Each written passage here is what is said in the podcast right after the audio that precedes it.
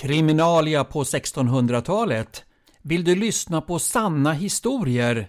Olika rättsfall som handlar om mord, dråp och dödsdomar runt omkring på Falbygden. Jag misstänkte väl det och därför så kommer jag läsa upp åtskilliga sådana ärenden, både långa och korta och sådana som slutar med avrättning eller att de blev frikända. Sånt vet man aldrig i förväg.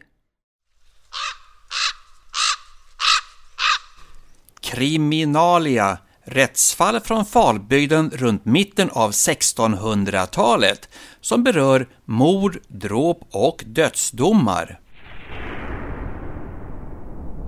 1645 Frökins häradsting den 24 oktober. Då kom inför rätten en soldat, Knut Andersson, och talade till Björn Andersson i Fastorp i Kinneveds socken och påstod att han med hugg och slag hade vållat hans syster Brita Andersdotters död medan hon tjänade hos honom för en tid sedan. Här inför rätten kom också hans farbroder Erik Trulsson och hade samma tal till denne Björn, men det hade skett på ett föregående ting och när Erik Trulsson inte kom någon vart i sin sak överlämnade han ärendet till hennes broder som dock under några års tid har varit i kriget nere i Tyskland och Danmark. Men nu var han tillbaka och återupprepade sitt ärende emot Björn Andersson i Fastorp. Då frågade rätten vilka skäl han hade till sin klagan, men han hade inte det ringaste bevis och inte heller några sagesmän eller vittnen, utan allting härstammade ifrån ett löst skvaller.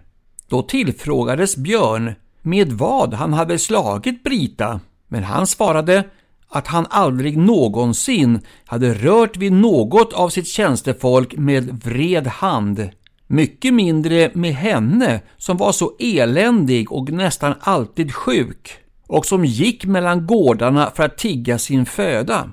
Eftersom Björn och hans hustru och barn, såväl som hans broder och gårdbo och dennes hustru, vårdat samtliga som varit fallna ute i en svår sjukdom, att den ene näppeligen kunde finna råd att hjälpa den andre, vilken sjukdom gick över hela bygden, varigenom många människor dog.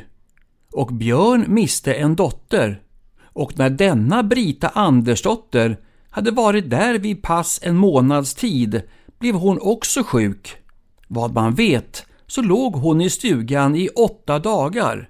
Men sedan ville hon bli flyttad till ett portskjul där folk vistades varje dag och kunde tala med henne, där hon också blev liggande i åtta dagar fram till sin död. Men det var ingen som gav henne hugg eller slag. Och den nu anklagade Björn Andersson är en krympling både i ben och fötter och kommer inte längre än vad han kan hjälpa sig själv med en stav.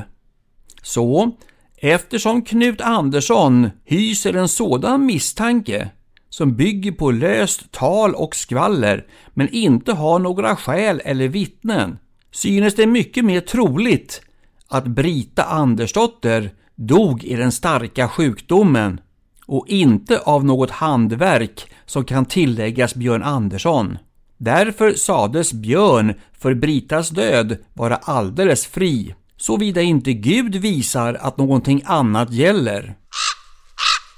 Göta hovrätt den 5 november 1645. En dom från Frökins härad över Björn Andersson i Fastorp som beskylls vara vållande till Brita Andersdotters död men är av häradsnämnden för detta alldeles frikänd, som av domen är skärskådad. Beslut Rätten godkänner häradsdomen och Björn Andersson är alldeles fri.